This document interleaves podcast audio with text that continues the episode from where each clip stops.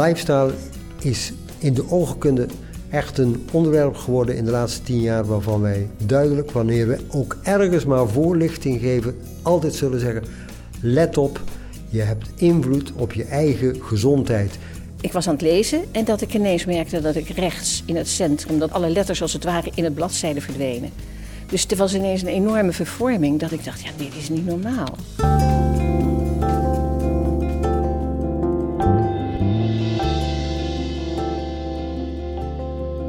Deze nieuwe 1 Al Oog podcast van Oogvereniging gaat het over het ouder wordende oog. Je hoorde net al gepensioneerd oogarts Jos Rademakers en Mies Bezemer die ruim 20 jaar macula-degeneratie, kortweg MD, heeft. Ik sprak met ze in respectievelijk Nijmegen en Rotterdam. Voor we verder gaan stellen mijn gesprekspartners zich eerst even kort voor. Ik ben uh, Jos Rademakers. Ik ben een gepensioneerde oogarts. Ik heb gewerkt in het Radboud ziekenhuis en in het Canisius Wilhelmina ziekenhuis in Nijmegen en in het Universitair Medisch Centrum in Maastricht. Ik heb een ruime ervaring in ontwikkelingslanden en de laatste jaren heb ik me ingezet voor hand- en spandiensten voor de oogvereniging. En op dit moment werk ik voor de GGD als toeziend arts bij vaccinatielocaties. Ik ben Mies.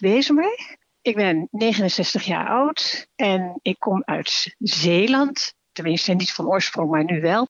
Ik doe vrijwilligerswerk voor zowel de Oogvereniging als de Macula-vereniging in de regio Zeeland. Ik vind het erg leuk om dat te combineren, die twee verenigingen. En ik ben Krit Wilshuis, presentator van deze een en al oog podcast. Er wordt nog wel eens gezegd dat slechter gaan zien nu eenmaal hoort bij het ouder worden.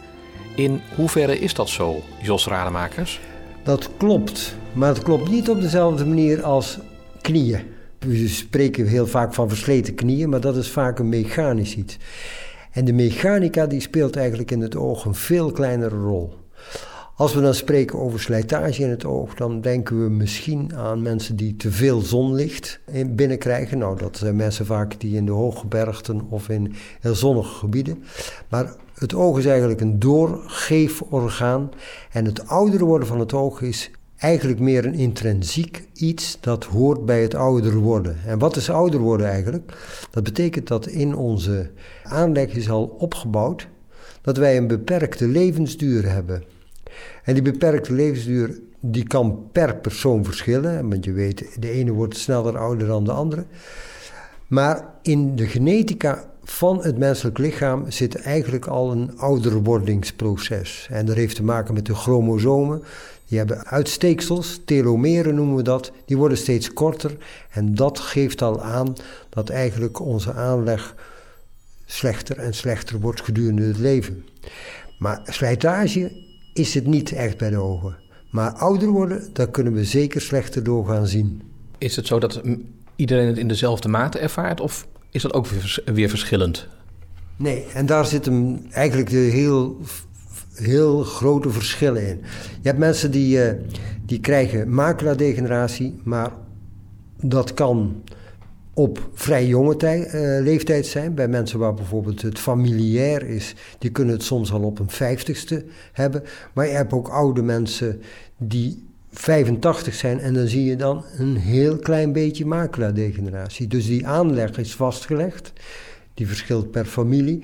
Daar heb je ook invloed met je manier van, op, uh, door je manier van leven. Een lifestyle uh, heeft daar zeker invloed. Maar je kunt het niet van tevoren weten wat je zal gebeuren. Want niet iedereen in een bepaalde familie met een bepaalde aanleg krijgt dit. Dus dan kun je daar geen voorspellingen in doen. Nee. Welke oogproblemen kun je krijgen naarmate je ouder wordt? Om te beginnen aan de voorkant van het oog. Je kunt drogere ogen krijgen. Je kunt problemen van je oogleden. En dan komt het hoornvlies. Dat is ook aan slijtage onderhevig. Bij iedereen wordt dat slechter tijdens het leven, maar hoeft niet tot problemen te leiden. We kunnen staar krijgen. We kunnen glaucoom krijgen. Dat is een ziekte vooral van de oogzenuw. We kunnen vooral maculadegeneratie of allerlei uh, ziekten van het uh, netvlies krijgen, welke leiden tot minder zien. Op welke leeftijd dit allemaal een rol speelt, kun je ook niet zeggen van tevoren. Maar het zijn allemaal leeftijdsgebonden ziekten, zoals wij dat zeggen. Uh, leeftijdsgebonden maculadegeneratie, Dat staat wel eigenlijk met stip, als we dat zo mogen zeggen, op één. Wij maken tegenwoordig verschil in landen met een hoog inkomen, met een middelinkomen en laag inkomen. In landen met een middel- en hoger inkomen kunnen we zeggen dat maculadegeneratie de belangrijkste oorzaak is van slecht zien in het gevorderde leven wanneer men oud is. Ja, dat staat met stip bovenaan, ja. De MD heeft te maken met uh, veranderingen aan het netvlies die in de lagen van het netvlies, het netvlies zelf, daaronder uh, zit een pigmentlaag die veroudert en er zit een bloedvatlaag, de choroidia, en die veroudert ook. En dat zijn dus die lagen van het netvlies, die zitten, je zou het kunnen zeggen, anatomisch zo dicht bij elkaar dat ze elkaar beïnvloeden. Maar uiteindelijk kan dat leiden tot minder zien. Bij leeftijdsgebonden maculadegeneratie kun je zeggen dat ongeveer 10% van de mensen boven de 65 en al 25% van de mensen boven de 75 hier problemen mee kunnen hebben. Mies Beesemer, wij zitten nu op dit moment in de Waalse Kerk in uh, Rotterdam. Dat is vlakbij het Oogziekenhuis. Dat heeft ook een reden, hè? Ja, ik heb dadelijk een afspraak in het Oogziekenhuis om uh, mijn regelmatige injecties in mijn ogen te halen. Want dat heb je nodig, want jij hebt maculadegeneratie. Ja, een vorm van maculadegeneratie. Maculadegeneratie is een, een, een overkoepelende term. En ik was te jong om het echt leeftijdgebonden maculadegeneratie te noemen toen ik begon met de klachten. Maar inmiddels kan je ook zeggen leeftijdgebonden maculadegeneratie. Omdat ik de leeftijd heb bereikt waarop je wel meer mensen tegenkomt met maculadegeneratie. Leeftijdgebonden maculadegeneratie. Ja. Ja. Maar het is bij mij 21 jaar geleden al geconstateerd. En toen paste ik niet echt in die groep. Maar ik word wel zo als zodanig behandeld hoor. Waren of zijn er mensen in je omgeving die ook MD hebben van andere oogziekten? Wij hadden al veel ervaring met onze moeder die maculadegeneratie had. En achteraf gezien mijn oma. En achteraf gezien de zus van mijn moeder. En op een gegeven moment kreeg een van mijn zussen ook deze klachten. En ik dacht altijd, die ga ik niet krijgen, want ik lijk niet zo op mijn moeder. Dacht ik. Dat is dus een misvatting geweest, want mijn moeder had drie dochters en we hebben alle drie maculadegeneratie. Dus uh, we waren bekend met het fenomeen. Alleen in de tijd van mijn moeder waren er nog niet zoveel uh, mogelijkheden om het proces te vertragen. En daar hebben wij geluk aan. Ja, ja. ja. En is het uh, bij, jullie, bij jullie zussen, hè, drie zussen, allemaal zo'n beetje op dezelfde leeftijd begonnen? Ja, qua leeftijd denk ik wel. Hoewel mijn oudste zus die is er wat later mee begonnen. Omdat ik ermee begon, heb ik haar gezegd... wij lijken erg op elkaar, dus ga jij gauw je ogen laten controleren. En toen bleek het ook al aan de gang, maar ze had nog geen klachten. En mijn middelste zus, de middelste van de drie... die was ook ongeveer mijn leeftijd toen ja. dat het begon. Dus die was al een paar jaar bezig toen ik de klachten kreeg. Ja. Dus die klachten zijn allemaal vrij vroeg begonnen, maar de, de uitingsvorm is allemaal een beetje verschillend. Ja, want hoe uitte het zich bij jou? Ik merkte op een gegeven moment toen ik in mijn linkeroog wreef, omdat daar iets zat. Ik was aan het lezen en dat ik ineens merkte dat ik rechts in het centrum, dat alle, alle letters als het ware in het bladzijde verdwenen. Dus er was ineens een enorme vervorming dat ik dacht, ja, dit is niet normaal. Toen ben ik vrij snel naar een oogarts gegaan. En die vertelde mij, nou, macula-degeneratie niks aan te doen. En daar was ik toch niet zo blij mee. En toen heb ik wel gevraagd: kan ik nog eens wat verder onderzocht worden? Ja, je moet niet denken dat er wat, aan, dat er wat te doen is. Toen ben ik toch doorverwezen uiteindelijk naar het oogziekenhuis. En daar zat ieder op mijn, naar mijn gevoel, goede oog te kijken. Zo van, oh, oh, dat, dat oog. Ik zei, ja, maar mijn klachten zijn rechts. En toen zeiden ze, ja, maar links zitten bloedingen. En als dat zich verplaatst, dan kan je links ook niet zien. En iedereen was bezorgd om mijn linkeroog, waar ik eigenlijk nog helemaal geen klachten had. In die tijd waren er nog geen injecties. Dat is toen met laser behandeld. Behandeld klinkt alsof het geneest, maar dat is onzin. Tot stilstand gebracht, dat stukje. En dat is later nog een aantal keer gebeurd en nog een aantal keer fotodynamische therapie. Ja, en toen, toen kwamen de injecties, in 2005 ongeveer. Dus vanaf 2005 krijg ik injecties, in beide ogen vaak. Ik ben daar heel blij mee. Want op de leeftijd die ik nu heb, was mijn, kon mijn moeder echt bijna niets meer zien. Nee. En ik kan nog eigenlijk heel goed zien ja. met één oog, heel ja. goed. In het rechteroog was wel heel snel een hele grote vlek. Ja. Waardoor ik met mijn rechteroog kan ik echt niets lezen. Met de rand kan ik wel zien. Maar lezen gaat gewoon helemaal niet meer. Nee. Gezichten herkennen gaat helemaal met mijn rechteroog niet meer. Ik zie nee. nauwelijks zijn hoofd. Dus je moet heel zuinig zijn op dat andere oog en op de rand van het slechte oog. want daar zie ik nog wel wat mee. Maar niet, niet op een afstand dat ik kan lezen of iets dergelijks. Ik was natuurlijk best jong toen ik hiermee begon. En in het begin ging mijn, mijn man altijd wel mee. Maar dat zou zo'n complete vakantie gaan kosten. En eigenlijk zag ik het wel. Er zijn wel eens ongemakken. Bijvoorbeeld vandaag heb ik gereisd. Ik was van plan met een keuzedag vrij reizen. Ik heb het gewoon niet goed gedaan aan de automaat, omdat ik het niet kon zien. Ja. En dan heb ik dus pech. Dan, nou, nu zit ik gewoon in, met een gewone treinreis en daar baal ik wel van. maar ja. ja. als dat het ergste is, dat zijn de ongemakken die ik wel heb, langzamerhand. Eén en al oog. En deze keer aandacht voor het ouder wordende oog en oogaandoeningen die zich voor kunnen doen naarmate mensen ouder worden zoals glaucoom, een oogziekte die vaak gepaard gaat met een hoge oogdruk. Je hoort opnieuw Jos Rademakers. Glaucoom, dat is een uh, ziekte die in de volksmond te maken heeft, zegt men altijd met een te hoge oogdruk. Dat klopt, maar het is eigenlijk een ziekte van de oogzenuw, de zenuw die loopt van de ogen naar de hersenen. En die door glaucoom steeds minder goed functioneert en waardoor je een gezichtsveldsuitval kan krijgen. Dat is ook een erg lastige ziekte, omdat de eerste verschijnselen van deze ziekte, die zie je niet. Je mist iets in het gezichtsveld, maar wat je niet ziet, dat mis je niet. En daarom is het eigenlijk zo'n ja, stiekeme, vervelende ziekte die ja, toch veel mensen in Nederland treffen, ongeveer 150.000.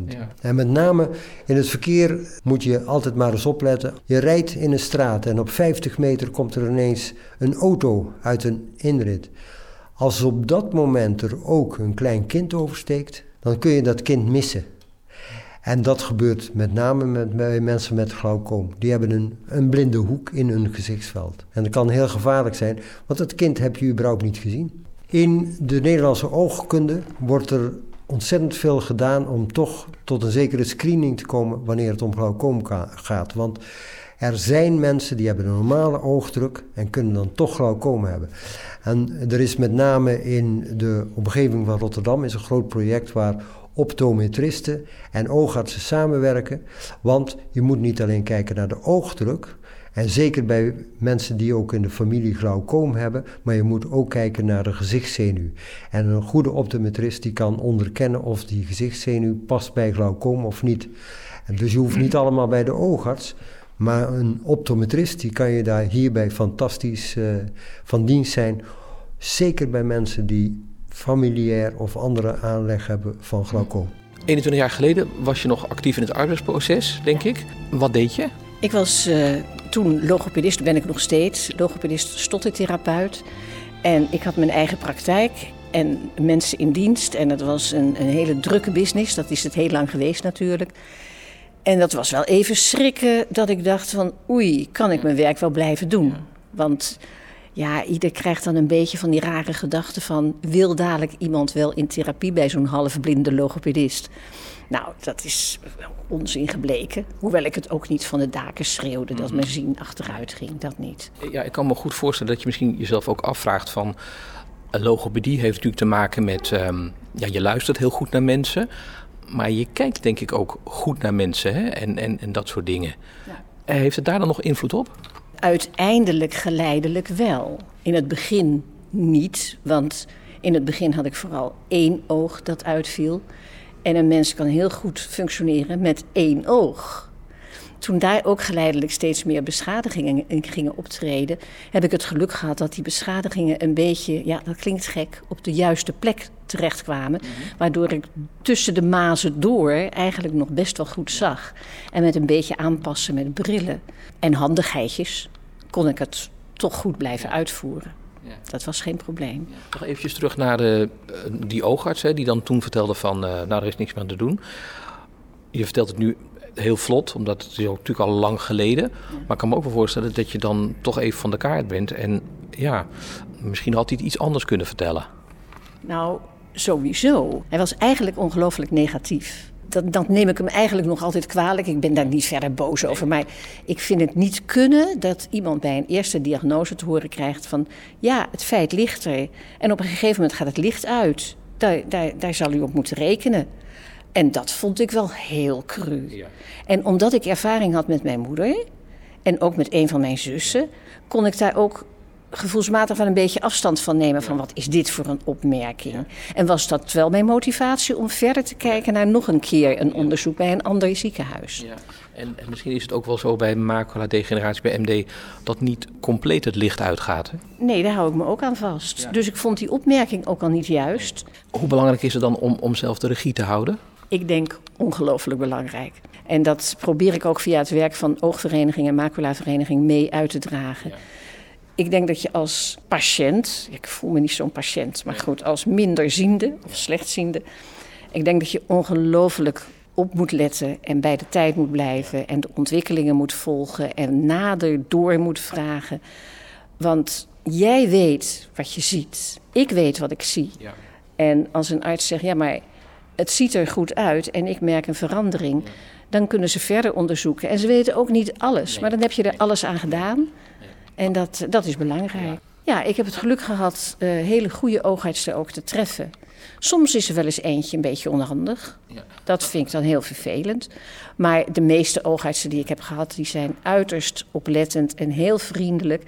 Maar vraag altijd wel wanneer je iets niet begrijpt. Of vraag door. En ja, de, de meeste oogartsen hebben gewoon heel veel aandacht voor die vragen. Wat wel eens een beetje een probleem is, is als het heel druk is in een kliniek.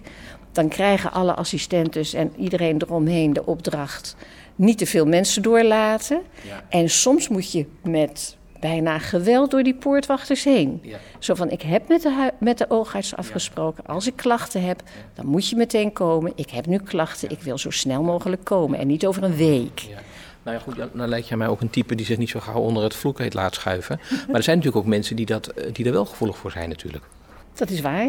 En dat is ook wel een van de redenen geweest dat ik bij de maculavereniging en bij de oogvereniging als vrijwilliger in actie ben. Om de mensen dat vooral duidelijk te maken. Dat ze echt moeten vertrouwen op wat ze zien en voelen. En dat ze dat bij een arts neer moeten leggen. En, en als het niet lukt, dan ga je bijvoorbeeld naar de spoedeisende hulp. En dan moet je wel lang wachten, dat is logisch, je hebt geen afspraak. Maar dan word je heus wel geholpen. De mensen zijn heus wel bereid om je te helpen. Maar houd inderdaad de regie. Want ja, ik denk dat als ik dat niet had gehad, dan, dan was ik denk ik verder weg geweest hoor. En ik ben nu heel blij hoe het gaat. En je zal mij niet horen klagen voorlopig. Ik weet niet hoe het gaat in de toekomst, maar voorlopig ben ik een heel tevreden mens met alles wat ik wel kan. Alleen, ik heb ook wel mensen meegemaakt die dan zeiden... de dokter heeft gezegd, u heeft een afspraak over drie weken, komt u dan maar. Terwijl er een verandering optreedt. En dan denk ik, ja, dat moet je echt niet doen. Dan moet je echt doorzetten. En dat is vervelend. Maar de gezondheidszorg is soms moeilijk toegankelijk, maar ook wel weer bereidwillig. Je luistert naar... Een en al oog. In deze aflevering praat ik met Mies Bezemer die een vorm van maculadegeneratie heeft, en met gepensioneerd oogarts Jos Rademakers. We hebben ook steeds meer mensen met type 2 diabetes in Nederland. Die kunnen ook afwijkingen hebben.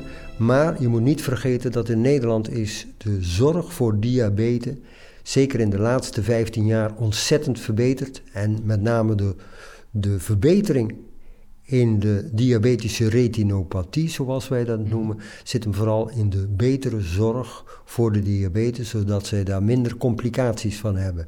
En daarom staat in Nederland LMD, leeftijdsgebonden maculadegeneratie, 1 met een stip. En volgt dan pas later volgt de diabetische hmm. oogziekte. Ja, ja, ja, maar in ieder geval, het is wel zo dat mensen met, in de volksmond wordt het suikerziekte genoemd, hè, suikerziekte type 2, hebben wel een kans dat ze iets aan hun ogen krijgen. Ja, die hebben er zeker wel een kans. En in Nederland worden die mensen met type 2 diabetes, maar ook met type 1 diabetes, dus die dat jeugdiger krijgen, die worden elk jaar gescreend. Dat gebeurt niet meer door de oogarts, maar bijna al deze mensen worden één keer per twee jaar opgeroepen om een foto van het oog te krijgen. Die wordt beoordeeld door mensen, dat hoeft niet eens een oogarts te zijn. En dan kunnen wij zien of er hetzelfde beeld is gebleven of dat er verandering is van het netvlies. En dat is een goede screeningsmethode en die overlapt eigenlijk heel Nederland als het om mensen met suikerziekte gaat. Mies Bezemer krijgt injecties in haar oog. Wat doen die injecties eigenlijk? Ik heb de natte vorm van maculadegeneratie en die injecties die werken als een middel om de wilde vaatgroei af te remmen.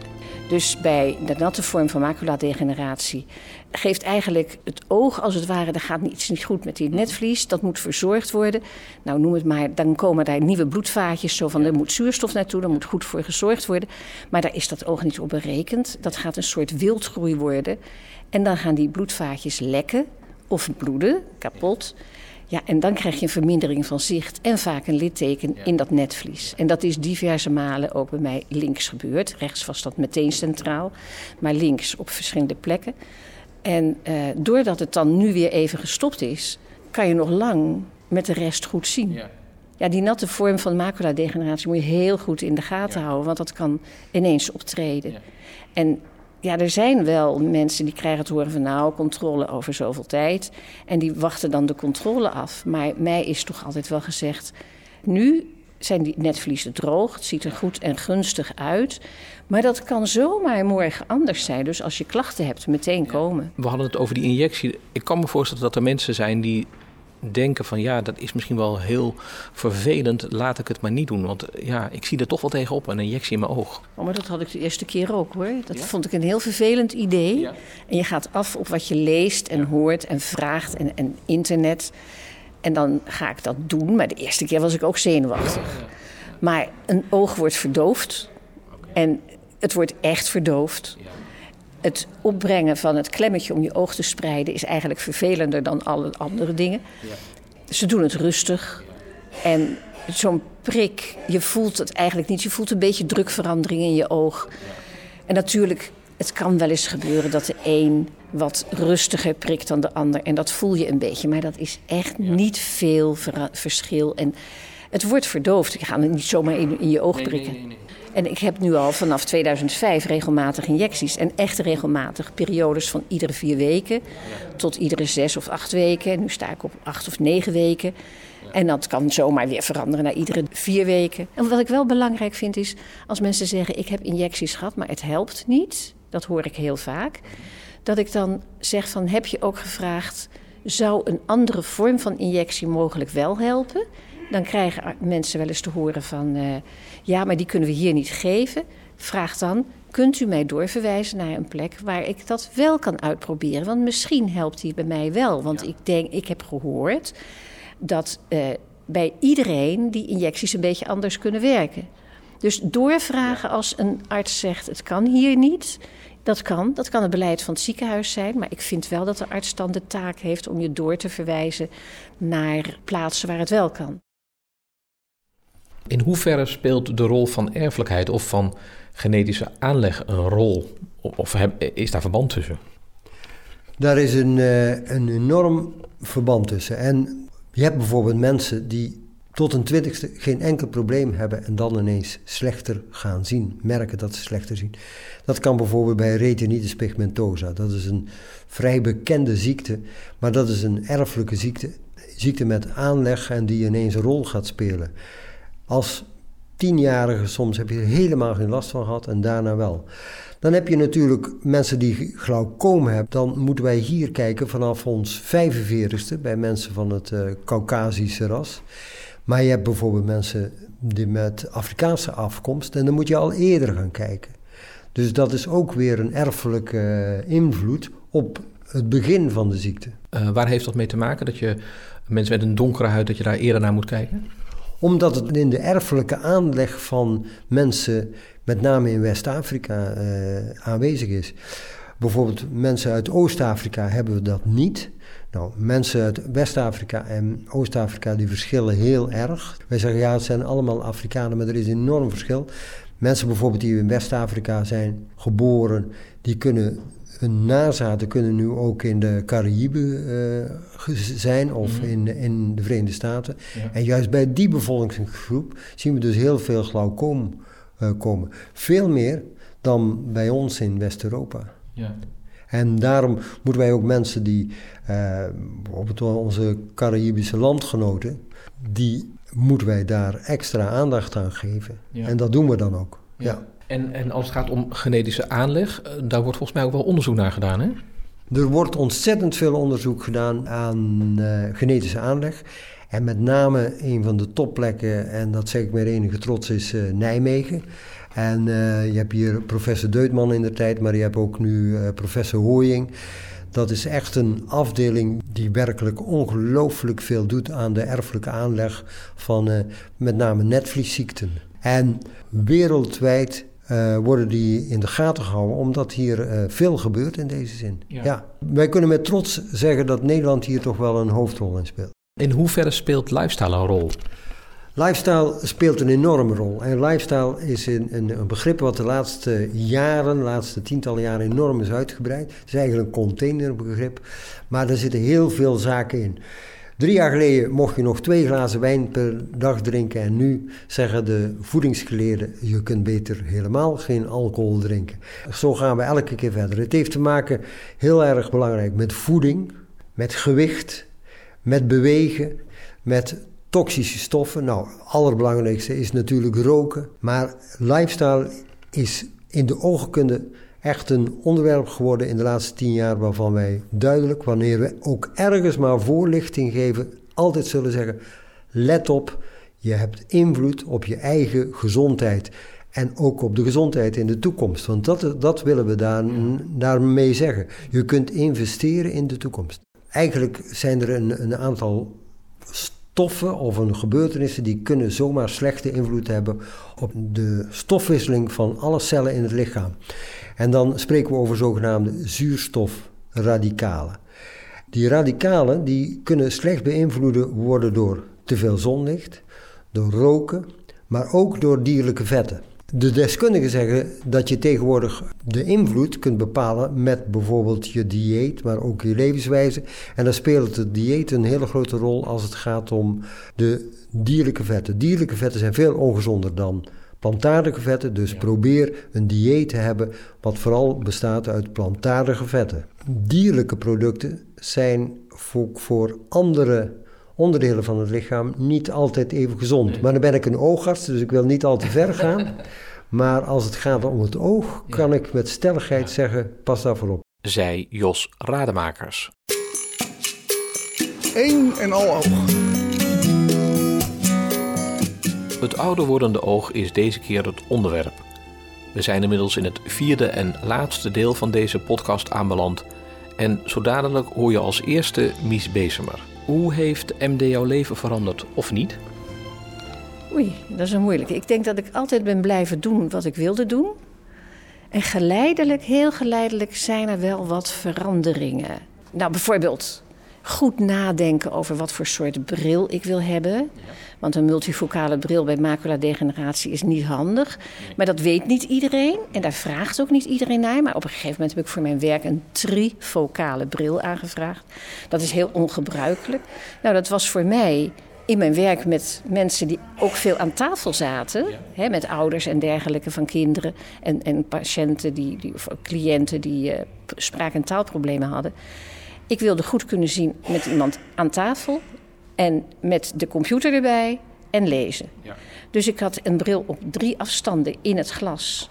Terwijl ik dan in de verte even niet zo goed kon zien. Want dat kon er iets van vier soorten, dat kon er niet in. Dat kan natuurlijk wel in multifocaal. Maar dan ga je wat van de zijkanten afknabbelen. En dat moet je niet hebben, want de zijkanten blijven goed bij, bij maculadegeneratie. Dus mijn opticien, low vision, wat ook belangrijk is... Die raden mij op een gegeven moment aan: zullen we een trifocale bril proberen voor die drie afstanden? Nou, dat maakte dat het voor mij heel goed ging. Ja, met de computer, ik zet alles standaard op iets vergroting. Ik heb de, de de, de, muis kan je zwart maken en groter maken. Dat soort dingen. Ik ben helemaal overgestapt, of niet helemaal hoor, ik lees nog wel boeken. Met, maar daar moet ik toch vaak een vergrootglas een beetje bij gebruiken. En bij de krant ook wel een beetje.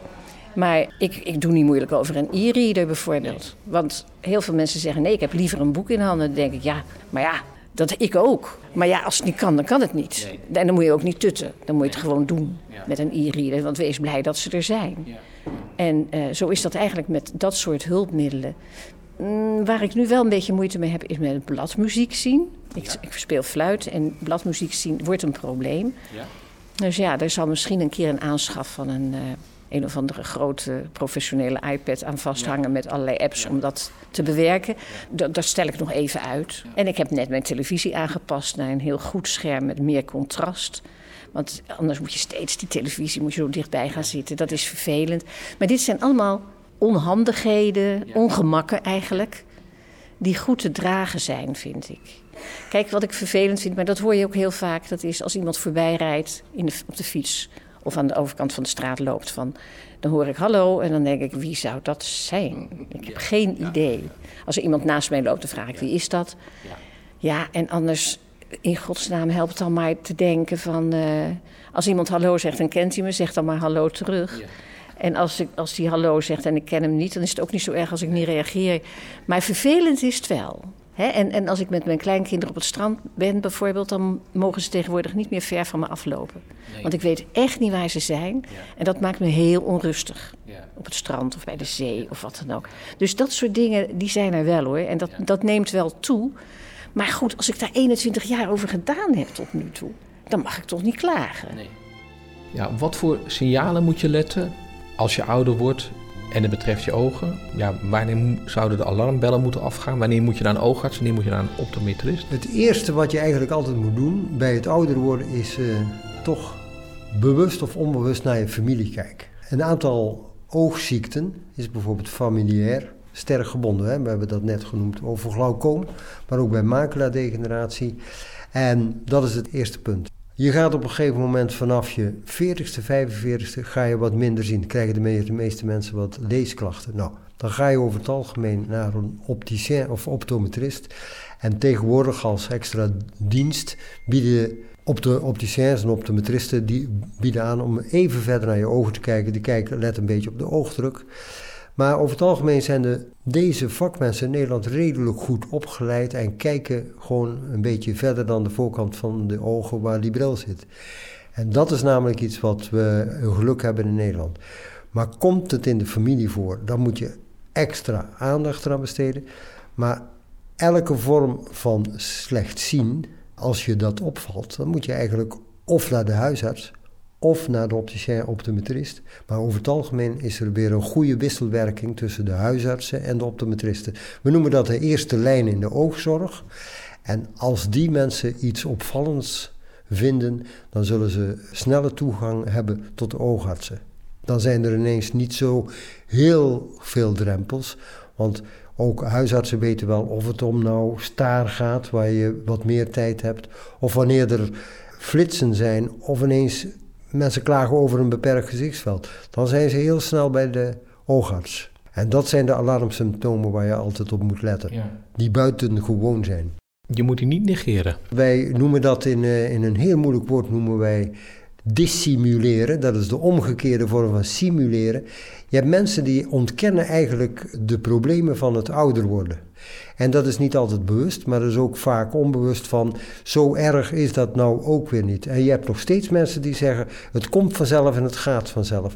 Maar dat is bij de ogen niet zo vaak het geval. Het is bij een aantal oogaandoeningen toch wel zo dat het niet verholpen kan worden, maar wel tot staan gebracht. Ja, om maar een voorbeeld te noemen, glaucoom is een oogziekte die kan onbehandeld sterk progressief zijn, kan in ernst toenemen. Maar vaak kun je door uh, de goede behandeling van een oogarts, die jou ook zal vervolgen in de loop der tijd, die kan zorgen dat het, uh, de verslechtering to, tot stilstand komt.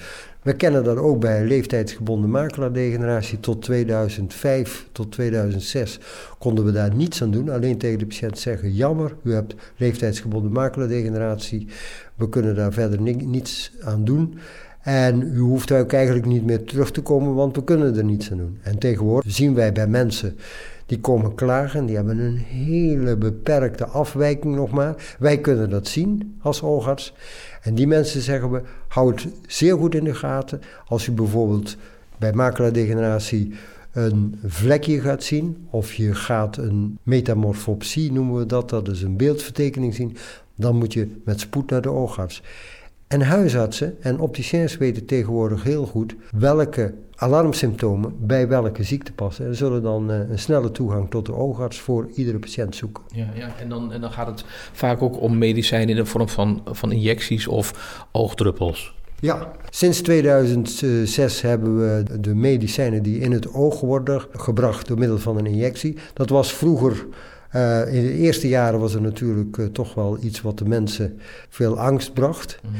en bezorgdheid. En tegenwoordig onder de ouderen is dat zo bekend dat ze elkaar wat dat betreft goed voorlichten en zeggen: ja, als dat gegeven wordt, dan is het vaak in je voordeel. En daarom is die drempel is veel kleiner geworden. Maar het blijft natuurlijk zo dat we gelukkig in een tijd leven dat de, de techniek elk jaar weer betere middelen vindt om ons te kunnen laten blijven zien. Ja. Wat dat betreft, eh, het onderzoek naar het ouder wordende oog, dat staat ook niet stil. Dat gaat ook gewoon verder natuurlijk. Zeker in zo'n welvarend land als Nederland hebben universiteiten hebben een paar opdrachten. En een van die opdrachten is natuurlijk onderwijs, dat is de basis. Maar de tweede is natuurlijk dat ze uh, tertiaire hele goede zorg verlenen. En dat in combinatie met, met opleiding, bijvoorbeeld van jonge oogartsen. Maar een derde hele grote opdracht is natuurlijk onderzoek. En eh, er kan maar niet genoeg onderzocht worden. En gelukkig is er een flink concurrentiemodel in onderzoek. En dat bepaalt dat, uh, dat die onderzoekswereld in Nederland echt niet stil zit. En zeker als het gaat om, uh, om zaken als makelaardegeneratie. Tot slot hoor je nog één keer Mies Bezemer. Is er nog iets wat je ons ook nog wil zeggen? Nou, ik denk vooral je, je goed realiseren dat maculadegeneratie dat, dat leidt niet tot echte blindheid. Ik zeg dat voorzichtig, want er zijn natuurlijk, als het op de verkeerde plek zit, dan is het wel nagenoeg blind hoor. Ja, ja, ja. Maar goed, je zal niet met een hond moeten lopen of zo, want er is natuurlijk altijd nog wel wat. En dat vind ik een enorme troost.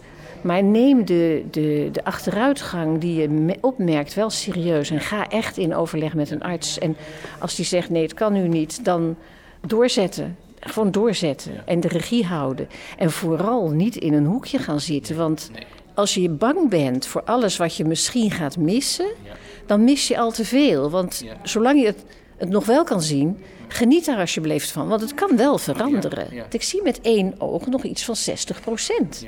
Dat is veel. Als je alles goed ziet, denk je dat is weinig, maar dat is niet waar. Het is veel. Ja. Ik kan overdag nog auto rijden in rustige omstandigheden. En in, in de avond ook niet meer. En bij slecht weer ook niet meer. Het, het mag nog wel. Maar dat is ook mijn eigen gezond verstand gebruiken. Dat ik denk, dit moet ik niet doen. Al dus Mies Bezemer tot besluit van deze podcast van de Oogvereniging... over verschillende oogaandoeningen die je op latere leeftijd kunt krijgen. Zoals maculadegeneratie, glaucoom of diabetische retinopathie... Komen oogaandoeningen bij jou in de familie voor? Ben je boven de 40? Of merk je iets aan je zicht? Wacht niet af, maar laat je informeren. Kijk op www.oogvereniging.nl, de website van de patiënten- en belangenorganisatie voor iedereen met een oogaandoening in Nederland, of bel met de ooglijn 030 2945 444. Ik herhaal 030 2945 3x4. En daarmee zijn we gekomen aan het einde van deze 1 en al oog podcast. Redactie Oogvereniging Rut Dongoor, Ines Dupuy, Martijn Vet en Carlijn de Winter. Samenstelling, interviews en montage, Krit Wilshuis, tekst in zicht audio. Graag tot een volgende 1 en al oog